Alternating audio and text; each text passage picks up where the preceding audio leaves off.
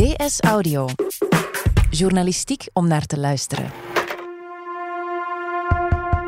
Er gebeurde veel dit jaar in de politiek. Er werd gekozen, verkozen, geïnformeerd, geformeerd.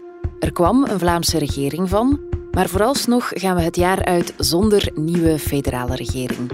Wat moeten we denken van het politieke jaar 2019? En hoe kondigt 2020 zich aan? Chef politiek Jan-Frederik Abbeloos blikt terug en vooruit. Het is donderdag 19 december. Mijn naam is Nele Eekhout en van op de redactie van De Standaard is dit DS Audio.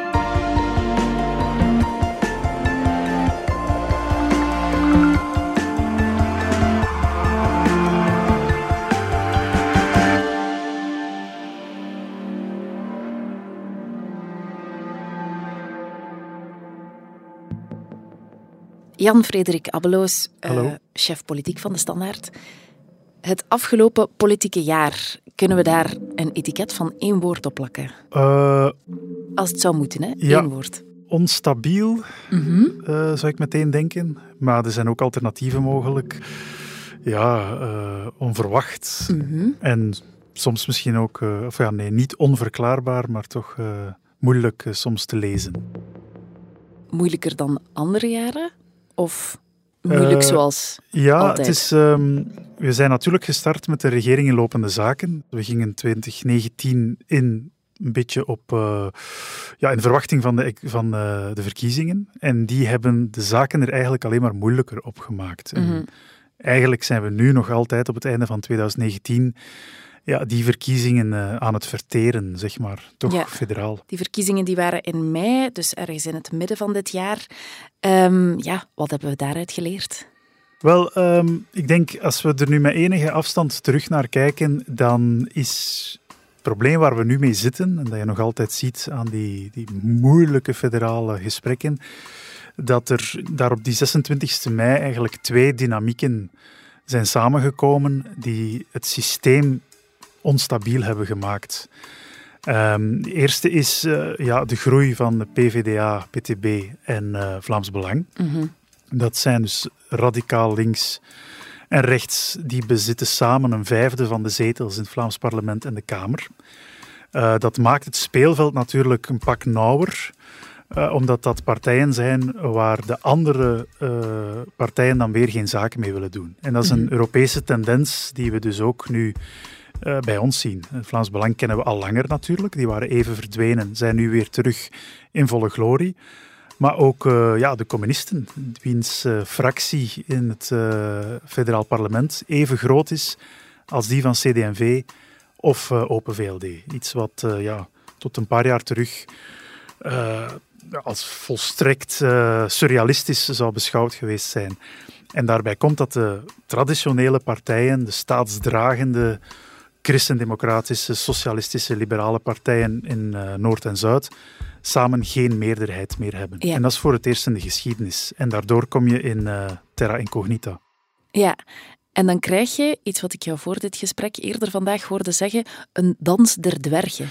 Uh, ja, dat is eigenlijk socioloog Luc Huysse die het zo omschreef toen ik hem kort na de verkiezingen interviewde. Mm -hmm. En hij, hij wou daar eigenlijk mee aantonen dat vroeger zat je in een systeem waarbij die staatsdragende partijen het altijd wel onder elkaar konden bedisselen. Mm -hmm. Ook al omdat ze door hun overwicht konden ze beslissingen nemen die wel wat lastiger lagen. Uh, ze konden bij wijze van spreken nog 2, 3 procentpunt uh, cash betalen, zonder dat hen dat um, ja, echt pijn zou doen. Uh, nu zit je met allemaal partijen die stilaan te klein worden om uh, zware offers te kunnen maken, om die compromissen te kunnen sluiten die je nodig hebt voor een regeringsvorming.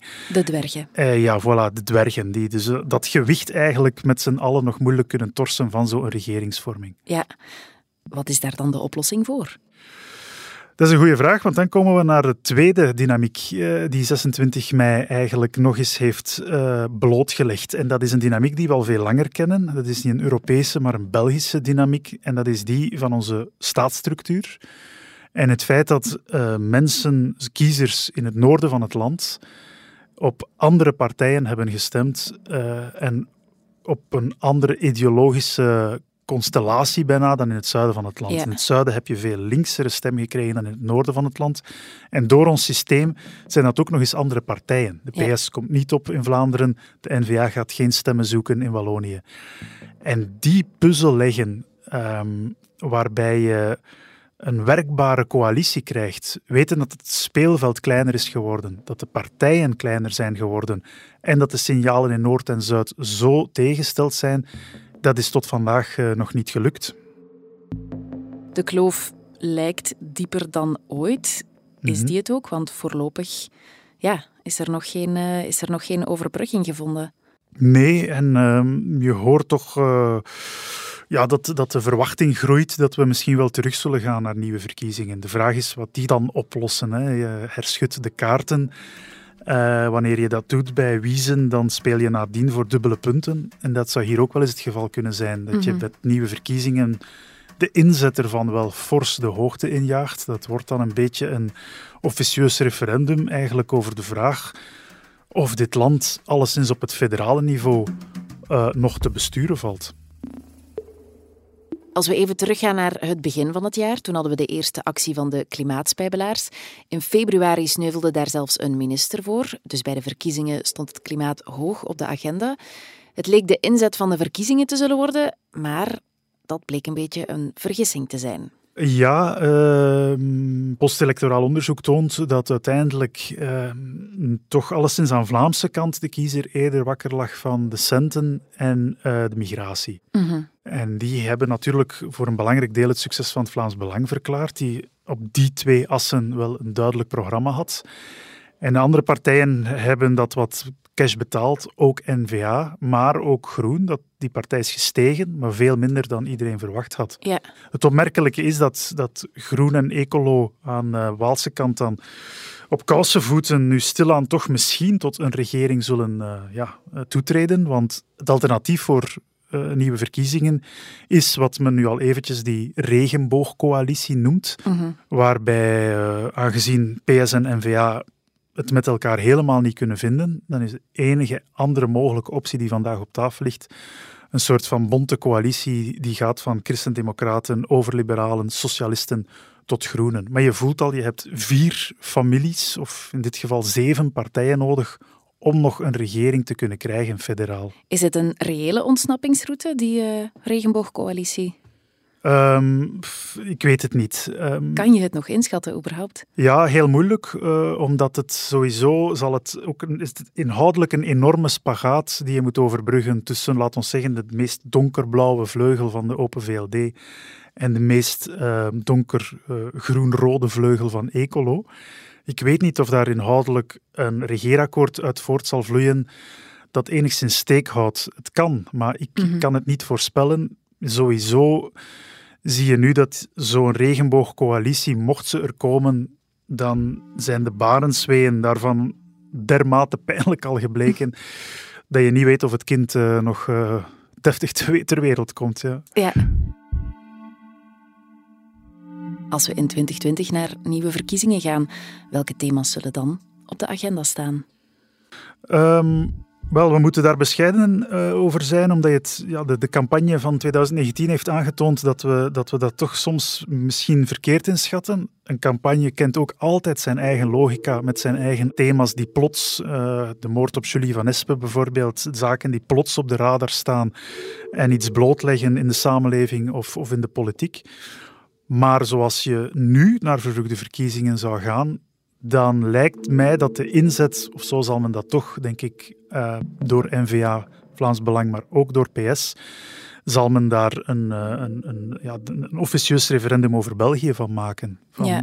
wij, PS zal zich dan manifesteren als de partij die de eh Franstalige belangen altijd zal verdedigen binnen België dan. Maar denk ik ook in zijn achterhoofd wel al nadenkt over plan B. En de N-VA en Vlaams Belang, ja, die zullen natuurlijk zeggen van dit worden de ultieme verkiezingen. Geef ons een meerderheid, maak ons zo sterk mogelijk. Ja, en dan zetten wij het eindspel België in. Mhm. Wordt 2020 het jaar van het eindspel België? Het wordt in elk geval, denk ik, een zeer eh, politiek eh, nog altijd onstabiel eh, jaar. Zelfs al krijgen we een regering, mocht dat met een of ander mirakel een regering zijn waar de PS en N-VA in zitten, dan zal dat nog met bijzonder groot wederzijds wantrouwen zijn. Ook bij die regenboogcoalitie die onuitgegeven is, zal dat een ongelooflijk leiderschap vergen van de premier uh, en ongelooflijk veel lijm om dat allemaal bij elkaar te houden.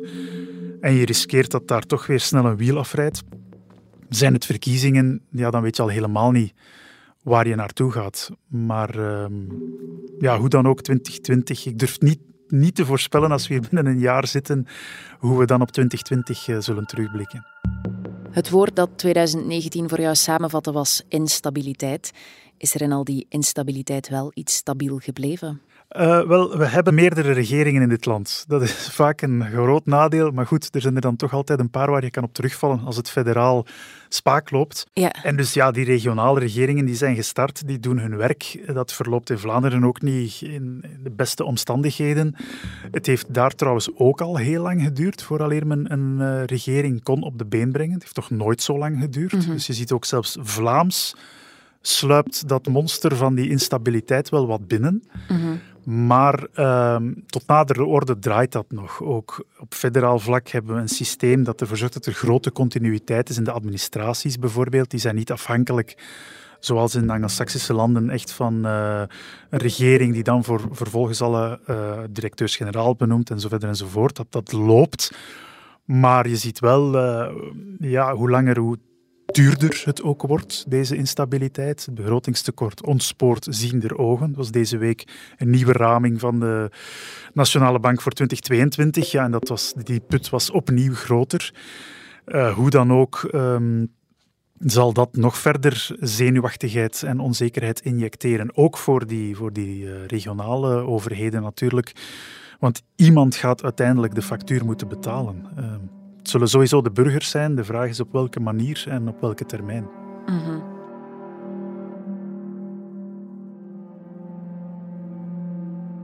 Ook opvallend dit jaar.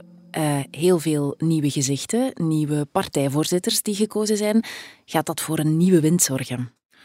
Uh, ja, misschien wel. Uh, maar uh, op korte termijn heeft het eigenlijk ook weer bijgedragen tot die instabiliteit. Mm. het zijn vaak toch onervaren politici. denk aan iemand als Conor Rousseau bij de SPA, die Ja. nu ook langs moet gaan bij de koning, die plots mee in dat federale bad duikt. toch nog heel jong, weinig kilometers op de teller, erft een partij in crisis. Uh, Georges-Louis Boucher bij de MR, uh, die een paar dagen uh, voorzitter was en al informateur moest gaan spelen. Hetzelfde Mhm. met Joachim Koens bij CD&V, ook een partij die toch weer op zoek is naar een nieuw elan. Um, dus ja, dat worden misschien heel belangrijke politici voor de toekomst, maar op dit Mm. moment zijn die, zijn die zoekende. Het is fris, Eh, maar vluchtig nog. Mogelijk, dat kan ook. Het probleem is vooral, er is geen tijd voor hen om uh, zich rustig in te werken. Ja. Ze, ze betreden eigenlijk de arena op een moment dat het bijzonder volatiel is en dat je eigenlijk, uh, voordat je het weet, als partij van de kaart gespeeld wordt. Uh, dus dan, dan moet je toch wel sterk in je schoenen staan en dat is de grote vraag bij die nieuwkomers. Hoe sterk staan ze in hun schoenen? Om dan pas te kunnen de vraag te beantwoorden waar wil je nu heen met die partij? Want daar is bijna nu geen tijd voor op dit moment om deftig daarover na te denken, omdat die, die, de stress van die federale regeringsvorming natuurlijk alles uh, beheerst. Mm -hmm. Wie staat er sterk genoeg in zijn schoenen? Wie heeft op dit moment ja. de sleutel? Wel, um, ik denk uh, natuurlijk, er zijn een paar partijvoorzitters die, die onbetwist uh, soeverein hun partij leiden. En Tom van Grieken is daar één van, Vlaams Belang, Peter Mertens bij PvdA. Maar natuurlijk, dat zijn net die partijen uh, die momenteel nog altijd uitgesloten worden van het spel hè, om een meerderheid te vormen. Die partijen die wel meespelen, daar heb ik op dit moment de indruk dat, dat Paul Magnet, de PS-voorzitter, uh, de meest, uh, meest zelfzeker is, goed weet waar hij naartoe wil. Heeft ook Mhm. zeer lang natuurlijk in de coulissen, well, niet in de coulissen, maar heeft zeer lang gewacht om uiteindelijk uh, de troon te bestijgen tot wanneer Elio Di Rupo hem, hem vrijliet. Maar je ziet dat hij wel heel goed weet wat hij wil. En uh, er zijn ook die zeggen, als er ooit nu een regering komt, ja, dan is het Paul Magnet die die moet gaan leiden, want hij is misschien de enige met voldoende karuur om dat te kunnen en om de boel bijeen te houden.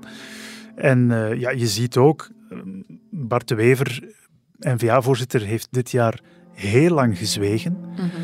Ehm, maar op het moment dat hij die stilte doorbrak om te zeggen dat ehm, hij echt wel aan zet wou komen en dat zo'n paarsgroene regering van socialisten, groenen en liberalen wat hem betreft totale waanzin is, toen had iedereen het wel gehoord. Ehm, dus hij blijft ja, echt wel een zeer sterke figuur aan Vlaamse kant.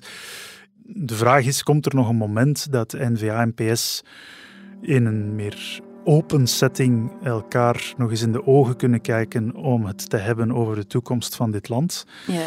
En dan zal het toch Paul Magnet zijn en Bart de Wever die, uh, die, tot, uh, die zich moeten weten te verstaan tegenover elkaar. Ja, instabiliteit, het is niet goed voor een land. Mm -hmm. um, is het voor jou als journalist wel spannend dan, op zijn minst, om te blijven volgen?